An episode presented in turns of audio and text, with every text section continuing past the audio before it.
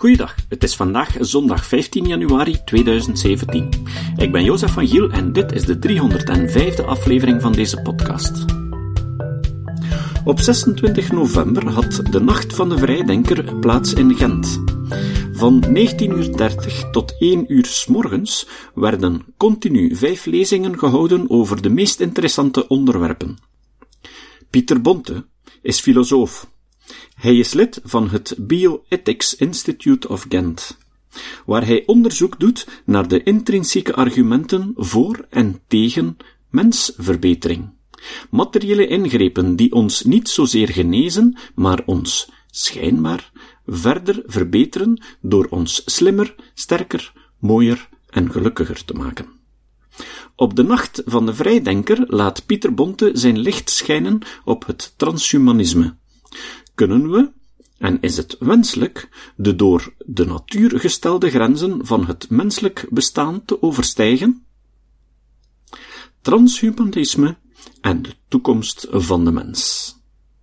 Hij is momenteel bezig met een boek, het zal over een paar maanden hopelijk verschijnen, met de titel Talentocratie, vrijspraak voor de doping, zondaar. En uh, Pieter Bonte is bezig met ja, transhumanisme, de grenzen van een uh, menselijke natuur.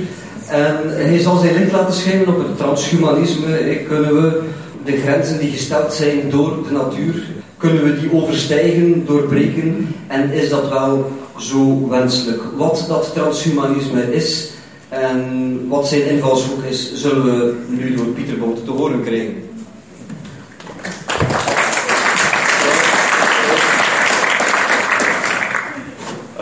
Ja, ik zal, uh, het is niet echt uh, hoogtechnologisch misschien, maar ik zal geen verdere slides gebruiken, behalve deze. Uh, en daarna misschien helemaal op het einde nog een ander beeld. Studies zouden hebben aangegeven dat dat beter is, en ik, ik, vind het ook leuker zo. Dus um, ja, het transhumanisme, uh, onder, heel veel humanisten, maar meer en meer is er meer en meer sprake van iets nieuws, een nieuw soort humanisme, of misschien wel een anti-humanisme. Het is zeer controversieel. Uh, de transhumanisme. Um, het kan op twee manieren uh, bekeken worden. Het is ofwel een stroming, een hele reeks stromingen, een hele reeks uh, woelende, levende ideeën. Het is vol met interne debat, allerlei interne tegenstellingen. Um, maar ofwel gaat het erover dat we de mens voorbij moeten gaan. En zoals ook een interessant historisch boek van Guy van den Bergen, dat een paar jaar geleden is uh, verschenen. Uh, de mens voorbij was de titel daarvan.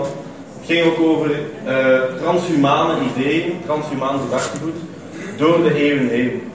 En het idee is dus, minstens, hè, dat we de mens, de menselijke natuur, eigenlijk mogen opvatten als klei in onze handen, als materiaal dat we vrij creatief mogen gaan veranderen uh, niet alleen mogen, maar vaak ook eigenlijk uh, ja, maar beter zouden beginnen veranderen. Want er mankeert van alles aan ons. Hè. De menselijke natuur is, uh, is misschien niet de beste natuur om onszelf in te vinden. Dus misschien moeten we onszelf gaan uitzuiveren, verbeteren, op allerlei manieren gaan verder evolueren. Um, en dat is het kernidee, dat we dus in feite de menselijke natuur in zekere zin moeten desacraliseren en dat er niets heiligs, niets unieks, niets bijzonders is aan mens zijn, uh, toch altijd niet aan homo sapiens zijn. En dat we well, dus oneindig mogen doorgaan met het uh, sleutelen uh, aan, aan onszelf. Nu, een tweede interpretatie gaat nog verder en dat eigenlijk niet alleen de mens mag bijgesleuteld worden, maar eigenlijk ook heel de filosofie van het humanisme zelf. En dan wordt het echt ook interne polemiek, uh, waar dat de, de gemoederen vaak hoog oplaaien, wanneer die transhumanisten ook zich gaan opwerpen als ja, een soort, niet alleen een nieuw humanisme, maar eigenlijk een soort anti-humanisme. nu, de term waar komt het in, in het begin vandaan, de term zelf, midden 20e eeuw, uh, Teilhard de Chardin, eigenlijk een eigenaardige figuur, een jezuïet, een paleoantropoloog. misschien gekend onder sommigen, maar uh, dat was in de tijd een, een, gekend intellectueel. Maar die dus eigenlijk van de christelijke inspiratie ook een evolutionair gedachtegoed begon te ontwikkelen en dacht van ja, kijk, de tijd is eigenlijk aangebroken, 20e eeuw, binnen het evolutionaire denken, binnen de eerste stappen in de genetica gezet werden enzovoort. We kunnen beginnen nadenken over ja, wat op ons zal volgen. Een zuiver, misschien een meer spiritueler wezen. Uh, misschien pas over een aantal millennia, misschien over een aantal honderden jaren, of misschien, zoals uh, een heel aantal transhumanisten vandaag denken, eigenlijk misschien ook binnen deze eeuw valt er misschien van alles te verwachten dat de snelheid van, van snelheid die we nu al kennen, ver zal overstijgen. Dus er gaan stemmen op. Uh, onder andere, uh, niet zomaar uh, eender waar, maar onder andere bijvoorbeeld binnen Silicon Valley is het transhumanisme een, soort gedachtegoed dat ja, tot heel hoog opklimt. binnen Google, Google die nu bijvoorbeeld ook de strijd heeft aangewonnen met de dood. Facebook die onlangs, Mark Zuckerberg die ook buitenweg beweert dat hij ziekte de wereld uit, uit wil gaan helpen. Elon Musk van gekend van, uh, van de elektrische wagens en, en, andere grote visionaire exploten. Heel veel van die mannen en vrouwen, misschien wel vaak mannen, dat is eigenlijk ook wel curieus, maar uh, zijn eigenlijk gebeten door het transhumanistische virus. En geloven dat we op een soort exponentiële innovatietrend zitten en dat binnen in de komende decennia er eigenlijk uh, ja, ontzagwekkend, bijna onvoorstelbare technologische, biotechnologische en andere innovaties te verwachten vallen. Nu, het gaat terug tot Huxley uh, ook, Julian Huxley, de Chardin, Julian Huxley, die hebben midden in de 20e eeuw voor het eerst die term gelanceerd. Um, maar uh, het gaat veel verder terug, hè, want u vindt eigenlijk al bij het prille begin van ons wetenschappelijk technologisch bedrijf, bij René Descartes, vind je bijvoorbeeld al letterlijke speculaties uh, dat ja, de, de moderne wetenschap, de moderne medische wetenschap, sowieso vroeg of laat ook wel zal moeten leiden tot uh, een steeds uh, verdere verlenging van onze jeugdigheid, een, verdere verrijking van onze intellectuele vermogens en een steeds langer oprekken van, van onze levensduur. Dat vind je eigenlijk al, dat, dat soort vermoedens, verwachtingen, die, dat soort hoop, vind je al bij, bij René Descartes. Maar je ook bij Francis Bacon in het Nieuwe Atlantis. Uh, dat is een soort visionaire oertekst van uh, het wetenschappelijk technologisch bedrijf. En daar staat eigenlijk bol van ja, fantasieën over een opgedopeerd lijf dat krachtiger wordt gemaakt, dat intelligenter wordt gemaakt, dat langer waakzaam blijft. dus daar wordt er een soort nieuwe gemeenschap ontdekt in het nieuwe Atlantis waar een wetenschappelijk verlicht uh, volk al blijkt uh, sinds jaar en dag uh, vrij baan te geven aan wetenschap en techniek. Wel, waar leidt dat toe? En dat is dus al van bij Francis Bacon af dat die ideeën de ronde gaan. Waar leidt sowieso de wetenschappelijk-technologische cultuur toe? Het leidt tot ja, een steeds verdere verdieping van de technologische macht die we kunnen uitoefenen, uitoefenen op de natuur, onze eigen natuur inbegrepen. En dus het leidt sowieso, vroeg of laat, naar allerlei vormen van eigenlijk wat je ook kan noemen ontaarding. Dus dat we gewoon eh, fundamenteel uh, op allerlei vlakken uh, onze menselijke limieten gaan kunnen bijstellen en veranderen. Um, nu, daar kan je zeggen, begint al het transhumanisme. Maar in zekere zin, en dat wordt ook graag en gretig beweerd door grote transhumanisten zoals Nick Bostrom, die denk ik binnenkort in, in Brussel ook komt spreken. Um, er wordt graag beweerd dat het transhumane project uh, universeel is en van alle tijden. Want ja, het kan in zekere zin ook verder teruggaan, bijvoorbeeld bij het humanisme zelf, het renaissance humanisme, van uh, een andere oertekst, uh, Giovanni Pica della Mirandola in de 15e eeuw. Maar die beweerde, dat is een oertekst van het humanisme, maar wat staat daar eigenlijk centraal in te lezen? Een soort transhuman idee.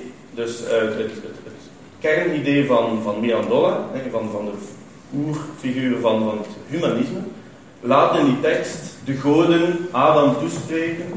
En daarin wordt, uh, uit de hemelen uh, naar beneden, wordt gezegd van kijk Adam, alle andere soorten op aarde hebben wij een vaste vorm, een vaste aard gegeven. Zij leven volgens de wetten naar de welke zij geschapen zijn. En, en zijn zoals ze zijn. Maar jij, Adam, jij mens, hebben wij de vrijheid gegeven zodat jij voor jezelf je eigen wetten kunt stellen en dat jij aan jezelf de vorm kunt geven uh, die jij wenselijk acht. Je kunt jezelf opwerken naar de, naar de hemelscharen, naar de engelenscharen en daarboven, of jij kunt jezelf verlagen uh, tot bij de beesten en, en ver beneden. Maar jij hebt de vrijheid om geheel en al jezelf te scheppen en daarin ligt heel uw waardigheid. Dus dat is in feite al echt zeer plastisch beschreven ook, hoe dat het humanisme zelf, kennelijk, altijd al ook, hè, uh, dat idee heeft gehad dat het goed is, geoorloofd is, en eigenlijk zelfs de kern van het mens zijn uitmaakt om uh, onszelf eindeloos te gaan verbeteren. Nu, hè, een Bostrom die zal het zelfs nog verder willen gaan zien, echt universeel willen verklaren, en zeggen van kijk ja, eigenlijk in het magische en religieuze denken van culturen uh, over de, de, hele planeet en van alle tijden, die hebben altijd al bol gestaan met allerlei fantasieën van uh, de transformatie van de mens, van het, van het kweken van vleugels of van het vinden van een, een, drankje voor onsterfelijkheid. In ons eerste epos, in de eerste, eerste geschrift van, van, van de mens, het Gilgamesh-epos, wel het hele verhaal daar is al een mens die op zoek gaat naar een plantje op de bodem van de oceaan om eventueel onsterfelijk mee te worden, eeuwige jeugd mee te vinden. Dus in die zin kan je zeggen van de mens is altijd al overal al een, een soort transhumaan, minstens transhumane fantast geweest. Hè? Dus, en, maar nu lijkt het dan ook werkelijk uh, te worden. Um, nu, ook daar, het is niet altijd al gewoon fantasie geweest. Het is ook vaak al, al ja, in zekere misschien al altijd en overal, generalisaties, maar goed, concreet het geval geweest. Want als je bijvoorbeeld kijkt naar uh, toen rond uh, eh, 1900 in Borneo de antropologen uh, van onder andere van Leiden botsen op het, Dayak-volk. Wat zagen ze daar? Bij de Dayak-mannen een soort zeer eigenaardige piercing in de penis, waar de Dayak-vrouwen van zeiden van kijk, um, de omhelzing proper gesteld, uh, getranscribeerd door de antropoloog. De omhelzing zonder zo'n piercing is als rijst. Maar de omhelzing met een ampalang, zo noemt die piercing dan, is als rijst met zout. En dus, alle mannen, dat wordt dus gezien als ja, een verbetering van het menselijke lijf. Pijnlijk, en als man moet maar in een samenleving leven waar de vrouwen verwachten dat je zo een eigen staaf door je, door je penis boort. Maar goed, uh, dat is ja, een oeroude praktijk van lichaamsverbetering, vrij radicaal, pijnlijk, maar dus kennelijk volgens de duikvrouw met, uh, met resultaten. Kennelijk is dat toch een verfijning van, van het mannelijk geslachtsdeel. En dat kennen we nu hè, onder de, de Prins Albert. Dat is dan door een beweging, de, New Primitivists, is dat dan het Westen binnen, binnengekomen. voilà. Vandaag gaan er ook stemmen op, ik of je die artikels gezien hebt, om misschien een soort uh, vibrerend staafje ook uh, in uh, mannelijk lid kunnen maar ik kan je zeggen, maar kijk, er is eigenlijk niets nieuws en vreemds en geks aan, want die, die Dayaks deden het al sinds de eeuwen der eeuwen. Hetzelfde bijvoorbeeld in, in Rwanda heb je zo op het andere vlak een eigenaardige praktijk, de Gukana-praktijk, dat erin bestaat dat meisjes onderling in een soort seksueel uh, initiatieritueel uh, consequent in feite de labia, dus de schaamlippen, gaan uitlengen. En dat wordt ook uh, ervaren als een verbetering van het vrouwelijke lichaam, want dan heb je een grotere erogene zone en dan kan je een soort serpentijns dansje in en rond doen enzovoort. En naar het schijnt is dat een fantastische seksuele praktijk. dat zijn maar twee hè, zeer expliciete voorbeelden, maar van ja, radicale lichaamsverandering, uh, die eigenlijk al uh, in volstrekt niet moderne uh, contexten, niet wetenschappelijk, niet technologische contexten bedreven werd. Op, op een, ik gebruik die voorbeelden om aan te tonen dat het vaak al ja, heel, niet, niet zomaar in de, in de marge was of een beetje in, wat franje links en rechts. Nee, er zijn al de wereld rond radicale praktijken geweest en nog altijd van lichaamsverbouwing. Uh, um, goed, hè, dus um, in die zin hè, is er misschien niets nieuws uh, aan de hand hè, met dat transhumanisme. Bon, daar kan je van alles op afdenken. Het is een zeer algemeen beeld, het is, het is maar een eerste korte inleiding. Maar als ik, als dan zou moeten een, een soort van scheiding maken tussen wat het verschil maakt tussen die pre-moderne transhumane praktijken en de moderne, dan denk ik dat het verschil erin uh, ligt dat ja, in al die eerdere praktijken was er altijd maar een beperkt aantal manieren om aan uw lichaam en aan uw geest te gaan morgen. Er waren maar een paar drugs, er waren maar een paar chirurgieën, er waren maar een paar tatoeagetechnieken enzovoort. Het was beperkt.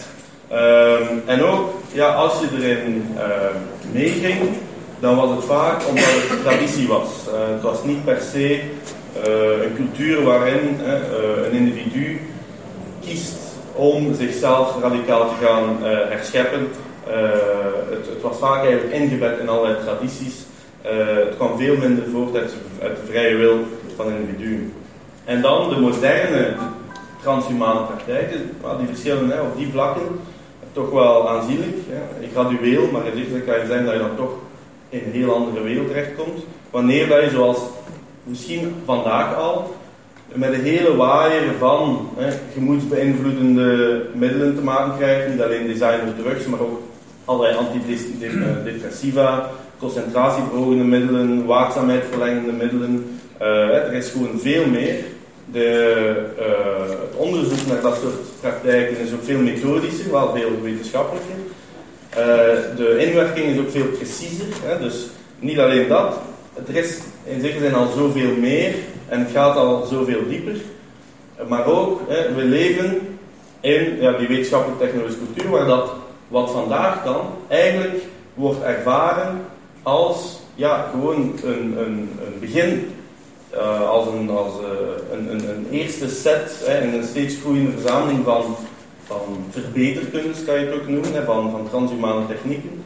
Uh, maar het is maar een begin. Het staat hè, allemaal in het licht van de toekomst die nog staat te komen, waarin nog zoveel meer mogelijk zal worden. Dus de ervaring vandaag van heel veel mensen, hè, dat we uh, op allerlei manieren fundamenteel uh, ook hè, vaak verkeerd bezig zijn, dat we in een zeer onnatuurlijke wereld komen te leven, dat ontaarden in alle handen maar alleen maar lijken toe te nemen. Wel, dat is ook een ervaring naar de toekomst. Hè. Dus als we nu bijvoorbeeld ons druk maken over esthetische chirurgie of doping, is het niet gewoon, wat, is het niet gewoon een, een, een verontwaardiging of een zorg die we hebben over wat er nu kan, maar is het uh, telkens hè, in de discussie van ja, maar ja, waar, gaat dit naartoe? Waar stopt dit? Hè? Misschien als we dit toelaten, ja, dan, dan voordat we het weten zijn onze atleten robots. Of uh, beginnen we alleen onze kinderen te snijden en chirurgisch bij te stellen hè, van, vanaf dat ze geboren worden. Iets dat trouwens, interessant genoeg, uh, vaak wordt geprojecteerd op andere culturen. Maar we moeten ook wel niet vergeten dat wij eigenlijk in een normale westerse context al heel vaak letterlijk dat doen. Hè. Eh, bij onze kinderen, wanneer ze flaphoren hebben, wel, dan, dan naaien die aan de schedel. Wanneer ze minder symmetrisch, minder esthetische uh, gebitten hebben, ja, dan, en dan gaan we daar ook redelijk hard met de beugel in om, om dat allemaal mooier te maken. Uh, we snijden eventueel schoonheidsvlekjes weg enzovoort. Dus we doen dat deels al. Hè. Onze kinderen uh, gaan bijkneden, maar nu komt daar bijvoorbeeld ook relatine bij om, om het gedrag uh, conform aan de normen te maken. Um, ja, maar dus het, het, grote, de grote shift is dat we wat we nu allemaal kunnen en doen, dat het zoveel breder is, dat het zoveel dieper en preciezer gaat en dat het in feite een proces is naar een toekomst waar het al maar breder en al maar dieper zal gaan, waar de mens al maar maakbaar, maar, al maar maakbaarder lijkt, lijkt te gaan worden. Nu, veel mensen vinden dat, hè, veel humanisten ook, een onaanvaardbare gedachte. Veel humanisten hè, uh, vinden, het, vinden het grondig fout hè, dat iemand uh, esthetische chirurgie zou ondergaan of zijn prestaties zou willen optrekken met, met doping, et omdat er een soort ja, natuurofiel gedachtegoed ook vaak is. Hè? Een soort een voorliefde voor de natuurlijke mens, het behoud van de menselijke natuur. Ook een soort authenticiteitsdenken. En heel veel mensen lopen rond met ideeën die vaak verwoord worden als dat je moet trouw blijven aan jezelf. Hè? Dat je moet kunnen aanvaarden wie je bent. En dat je niet moet gaan uh, diep gaan voelen in jezelf en, en jezelf gaan omvormen en gaan ontaarden. En je moet trouw blijven aan je aard.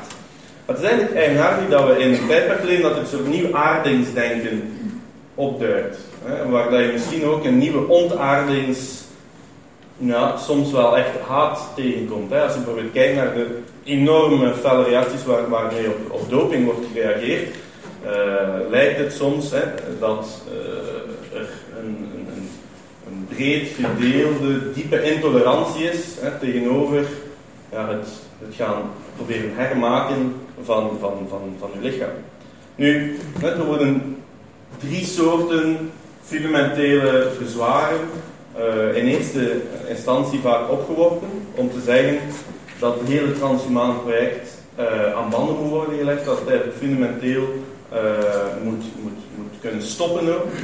Um, en het eerste daarvan, hè, dat is een soort praktisch bezwaar, is dat er, ja, en dat evident, hè, zware gezondheidsproblemen vaak mee zouden gepaard gaan. Dat het gewoon onbezonnen en dwaas is om uh, niet alleen een ampalang uh, per se door de uh, te gaan boren, maar en dat ook het nemen van hydropoëtine of steroïden om prestaties op te krikken, of het nemen van ritaline en modafinil om beter te kunnen studeren enzovoort. Dat het eigenlijk onzinnige ondernemingen zijn, want je speelt met je gezondheid. Nu, in feite ehm, is dat een kritiek die vaak overtrokken is, want net zo goed kan je inbeelden dat er op allerlei manieren het volstrekt gezond aan verbeterpunten kan worden gedaan. Bijvoorbeeld, ik weet niet, misschien zijn er mensen in de zaal die hun ogen hebben bijgelezerd en daardoor plots een uh, zicht hebben bekomen dat nog scherper is dan hetgeen dat ze ooit daarvoor hebben gehad. Is een soort verbeterkunde die met volstrekt aanvaardbare gezondheidsrisico's kan, kan verlopen. Een ander voorbeeld, bijvoorbeeld in baseball en maar ook andere sporten, dat, er, uh, dat, dat, de elleboog wordt uh, bij aangesterd door extra ligamenten in te brengen. Dat is een manier in feite om niet alleen het, de, de werkkracht te verhogen, maar ook eigenlijk om u resistenter te maken voor, voor blessures. Dus net zo goed. het is geen categorisch, categorieke kritiek. Je kan de mens en de menselijke natuur eventueel op allerlei, niet alleen op best gezonde manier gaan verbeteren, maar je kan zelfs de gezondheid zelf verder gaan verbeteren. Dus je kan de kritiek op, op zijn kop zetten.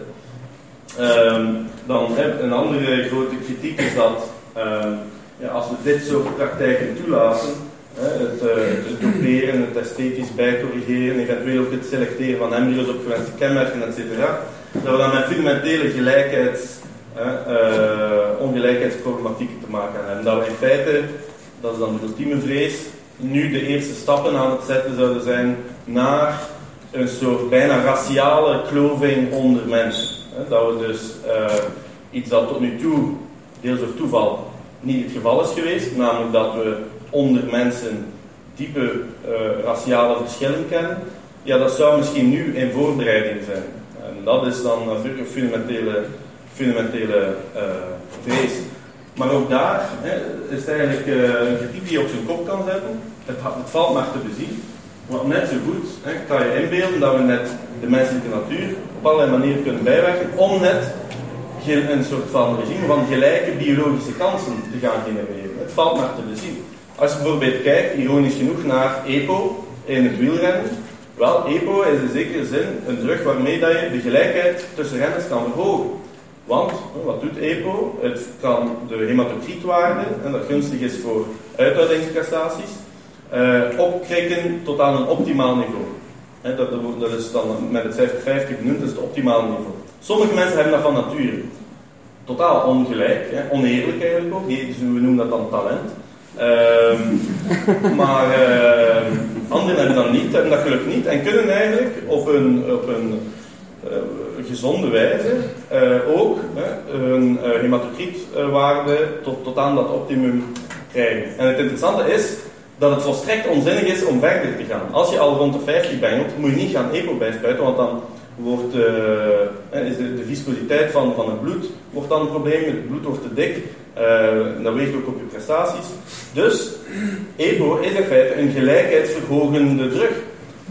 daar kan je net niet alleen die waarde mee gelijkstellen, maar ook, het is zoveel goedkoper dan het regime waar we nu in leven, waar dat uh, op, hoogtestage gaan of in een zuurstoftent kruipen, dat is toegelaten, maar dat is veel duurder dan de veel democratische uh, EPO-injectie die je gewoon hier bij je lokale arts zou kunnen krijgen. Maar nu leven we in een regime dat we toelaten dat mensen duizenden euro's gaan betalen om op hoogtestage te gaan, waar ja, de, vaak de volksjonge meisjes niet, uh, niet aan, toekomen als ze niet opgetakeld zijn in een of ander groot uh, sportindustrieel complex. Well, maar dus gelijkheidsgewijs hè, hoeft die verbeterkunde of die transhumane toekomsten hoeven niet gelijkheids uh, verdiepend, uh, gelijkheids, uh, ongelijkheidsverdiepend te zijn. Het hangt van ons af om daar een, een, politiek mee aan de slag te gaan. We kunnen ook een soort biosocialisme ontwikkelen, ja, waar dat we deels ook het idee van gelijke kansen laten indalen en eigenlijk ook op een zekere manier, ten alle opties mogelijk, maar een regime van gelijke biologische kansen willen gaan ook mogelijk maken voor mensen.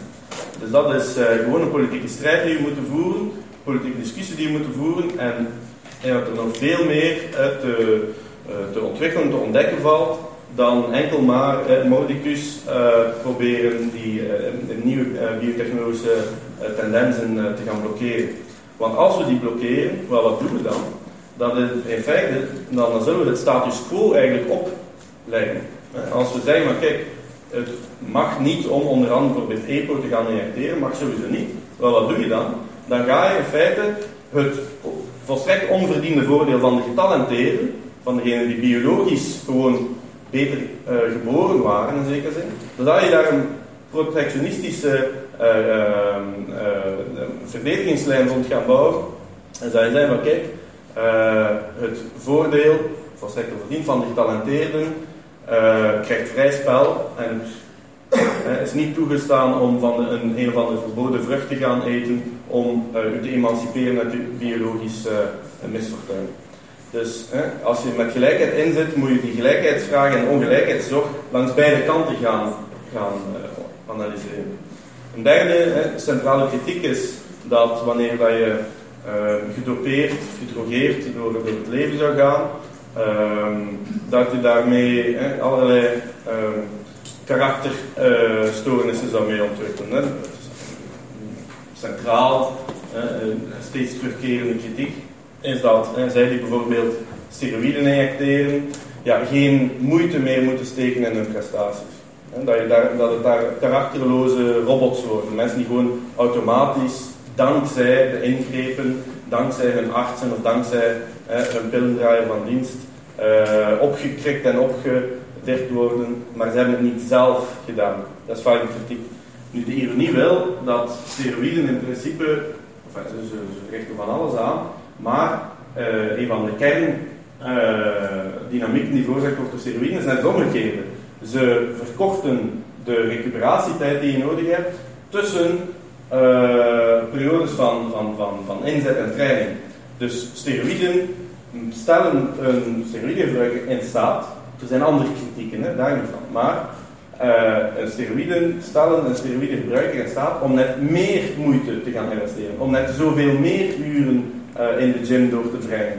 Uh, net zoals bijvoorbeeld ook modafinil of bijvoorbeeld de, de, de, drug of choice van, van Sartre, amfetaminen, hoe je ook in staat stellen om net veel meer te gaan doorlezen, doorschrijven Net zoals dat Voltaire, dat is wellicht een urban legend, maar af en toe is meer dan 20 kopjes koffie per dag dronk, omdat dat net een vorm van doping zijn, die net meer moeite, meer inzet, meer actie mogelijk maken. Dus die drie kritieken van gezondheid, van gelijkheid en van, van een soort karakterverlies, die kan je eigenlijk geval per geval omdraaien. Ik zeg niet dat die ongeldig zijn, maar je kan die niet zomaar veralgemenen. Uh, en die veralgemening is duidelijk waar. Nu, desalniettemin, ik uh, kan dat aanvaarden, misschien, deels, hoe dat je die kritiek op zijn kop kan zetten, maar toch blijft het vaak fundamenteel onbehagelijk om te denken dat het oké is om dan maar ja, chirurgisch u, vergaan te gaan bijknippen om zo'n ampalang piercing te gaan zetten of zo een vibrerend staafje of uh, haartransplantaten of borstprothesen of uh, dan nog eens uh, wat modafinil erbij en ritaline enzovoort. Het, Er is, een, er is een diep onbehagen dat toch wel deels blijft.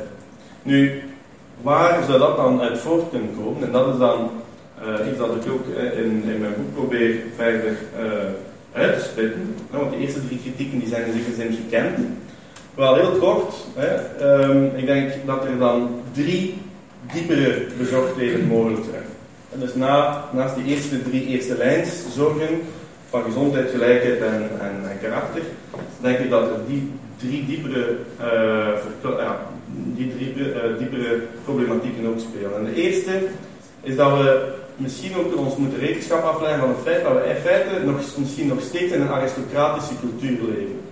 Waar dat we bijvoorbeeld in de sport, zeker, de moderne sport, uh, een soort cultus van natuurtalent organiseren. Dat wij in feite ook op onze scholen uh, en andere instellingen die we sinds de verlichting en vooral, vooral gemeet, is misschien de, een kernwaarde van onze cultuur net dat wij willen in zekere zin kansen, sociale en economische kansen van mensen gelijk maken. Waarom? Omdat we dan de blijvende ongelijkheid des te duidelijker zouden kunnen zien naar boven komen. Namelijk de biologische ongelijkheid, de erfelijke ongelijkheid, de genetische ongelijkheid. Dus in zekere zin, als wij fair play hè, willen invoeren in onze, onze sportterreinen, of ook in onze scholen dat we iedereen gelijke kansen gaan geven, maar we voeren er wel een absoluut verbod in om aan het lijf te mommelen. Wel, wat krijg je dan? Dan krijg je in feite een soort schouwspel waarin dat allerlei ongelijkheden zijn weggewerkt, zodanig dat het bezit van natuurtalent des te duidelijker kon bovendrijven. En dat was ook effectief deels de, de, de, expliciete filosofie van de oprichter van de moderne Olympische Spelen, die Pierre de Coubertin, die zei dat Olympische Spelen in eerste instantie een religie waren en een, religieuze adoratie van een, van een natuurlijke elite.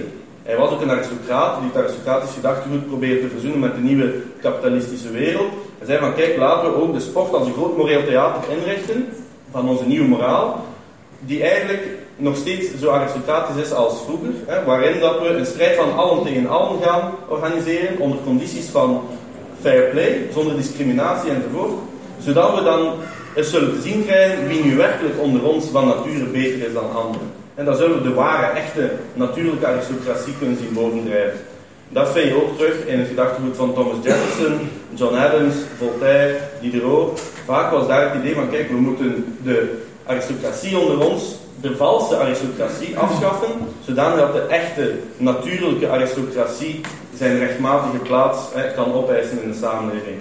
En dat was dus in feite gewoon een soort ja, biologisch geletterd uh, aristocratisch denken in feite. En misschien leven we daar nog altijd in en is er daarom al die onmin met eh, chirurgisch bijgeknipte of, of bijge, bijgestelde mensen. Een tweede, een verdere verklaring daarvan is dat we misschien nog steeds uh, bestiaal met elkaar omgaan. Dat we eigenlijk nog altijd, zoals dieren, willen elkaar kunnen, bij elkaar kunnen inschatten en evalueren wat het echt potentieel is van, van, van, van, ons en van elkaar. En dat we daarom dus doping en esthetische chirurgie vreselijk vinden. Hè, zoals dat je af en toe in een strip, dat is een beeld dat regelmatig terugkomt, dat het bijvoorbeeld, uh, dat we kostelijk lachen met het idee van een vrouw die zich chirurgisch heeft uh, verschoond. Uh, maar dan komen er kinderen van en die zijn aardsleden. En daar, en dan lachen we allemaal mee van, ah, fantastisch, ja, zie wel wat voor een ijdelheid en dwaasheid dat esthetische chirurgie is. En ja, misschien is net de, de dwaasheid ons eigen animale denken nog altijd. Hè? Dat we per se willen dat mensen uh, blijven zoals ze van nature hun lot zijn uh, bescheerd.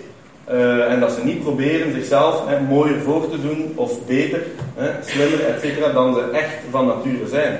Maar eigenlijk is dat een soort ja, animale logica, ook een erfelijke logica, die toch niet zo moreel is.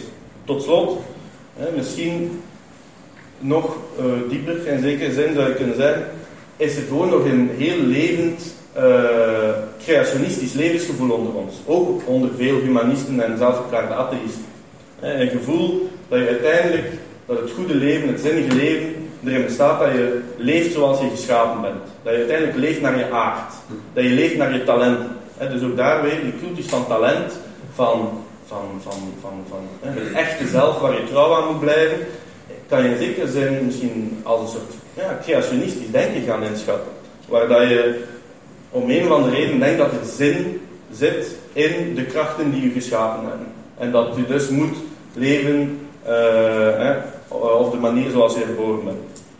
Uh, nu, ironisch genoeg, en daar zal ik dan op besluiten, is dat een logica, eigenlijk weer een soort ja, natuurofiel denken, of een natuurdienstig denken. Hè, maar als je dan niet godsdienstig bent, dan misschien toch natuurdienstig. Uh, dat je ook uh, terugvindt bijvoorbeeld in de gay rights movement, de born this way logica. Om een van de reden wordt daar ook heel veel uh, ja, geldingskracht gegeven aan het idee, als je zo geboren bent, wel dan is het zeer goed en waardevol. Terwijl ik zou zeggen, ja, nee, een homoseksuele of andere seksuele belevenis of lichamelijke belevenis kan goed zijn, simpelweg omdat het goed voelt. Je moet daar nee, daarom niet per se gaan verwijzen naar de geboorte en, en, en de natuur of een of andere diepe innerlijke aard waar je trouw aan moet blijven. Maar toch vind je dus ook die logica daar terug, en zelfs onder transhumanisten. En daarmee is de cirkel dan wel deels rond, dat uh, transhumanisten eigenaardig genoeg het ook in, vaak in een bol zouden krijgen, uh, of regelmatig zie je dat waarschijnlijk komen, dat verdere evolutie net ons hoger doel zou zijn. Dat we moeten verder evolueren, dat dat onze aard is. Hè? Dus dat, zoals Nick Bostrom uh, alle culturen van alle tijden transhumaan wil noemen, wel, hè, dan uh, zal ik daar ook vaak een stap verder mee gaan en zeggen, maar kijk, dit is ons hoger doel. Hiervoor zijn we gemaakt. Net om als het niet in deze eeuw is, dan toch altijd in de eeuwen die komen. Hè, in de mate dat we het kunnen proberen, moeten we proberen verder evolueren. En uh, ja, dan kom je uiteindelijk uit bij alweer een soort vreemd ja, natuurdienstig denken, waar ik afstand van probeer te nemen door ons transhumane project in feite op een soort existentialistische manier te bekijken, dat we geconfronteerd worden met een steeds dieper indalende vrijheid over onszelf, om onszelf te maken, maar dat dat in feite misschien een tragisch gebeuren is. Een zeer vaak ook onbehagelijk gebeuren, waarin dat we meer en meer niet alleen onze godsdienstigheid verliezen, maar ook ons, ons natuurdienstig denken. Dat we meer en meer vaststellen dat we eigenlijk circulaire wezens zijn die onszelf verzinnen, die voor onszelf zin verzinnen, maar steeds vaker eigenlijk ook uh, niet alleen uh, met een levensproject moeten rondlopen dat uit onze eigen fantasie voortkomt, maar eigenlijk ook meer en meer met een lijf en een aard en een natuur die ook steeds meer ja, het voorwerp is van onze eigen vrije verzinsels. En natuurlijk, dat soort vrijheid, een existentialistische vrijheid, is iets wat heel veel mensen moeilijk om dragen vinden. En daarom zullen ook transhumanisten regelmatig teruggrijpen naar het idee dat in de diepte der dingen we een natuur hebben waar we trouw aan moeten zijn en die we moeten uh, uitleven. Um, en daarmee besluit ik uh, deze korte inleiding. Nou, dank u wel.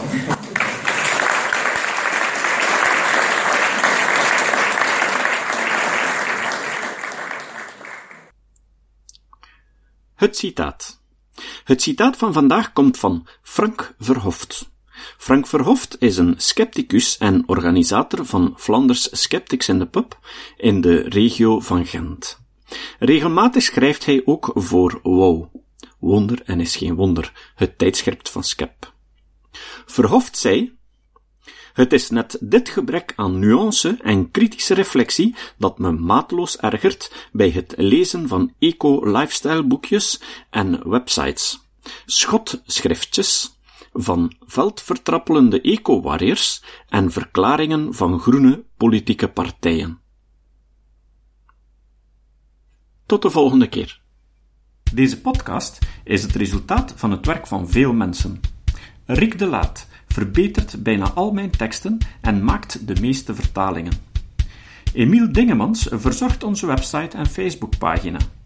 Ook Leon Korteweg en Stefan Sutens schrijven, vertalen of verbeteren soms artikelen. Leon onderhoudt bovendien het YouTube-kanaal van deze podcast. De muziek van de intro en de trailer heeft Nick Lucassen geschreven en soms maken we ook gebruik van muziek van Ad van Nederpelt, die ons zijn prachtige composities ter beschikking stelt. Dit was de podcast Kritisch Denken. Vergeet niet om alles kritisch te behandelen, ook deze podcast. Voor verdere informatie over deze podcast, links en voor de tekst, surf naar www.kritischdenken.info. Als je deze podcast belangrijk vindt, kun je me steunen door anderen warm te maken ook eens te luisteren. Stuur een e-mail naar vrienden met een link naar de website en plaats de link in de handtekening van je e-mails. Tevens kun je op iTunes deze podcast een beoordeling geven of een recensie schrijven. Of je kan op je eigen website of blog een link naar kritisch denken plaatsen.